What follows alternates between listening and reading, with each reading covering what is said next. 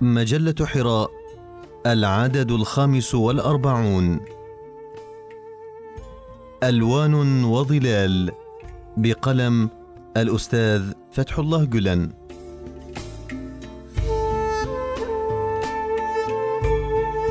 مشيئة القدر.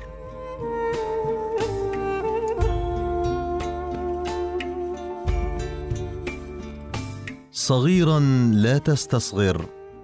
وضعيفا لا تحقر فالصغير غدا كبيرا سيغدو والضعيف قويا سيكون.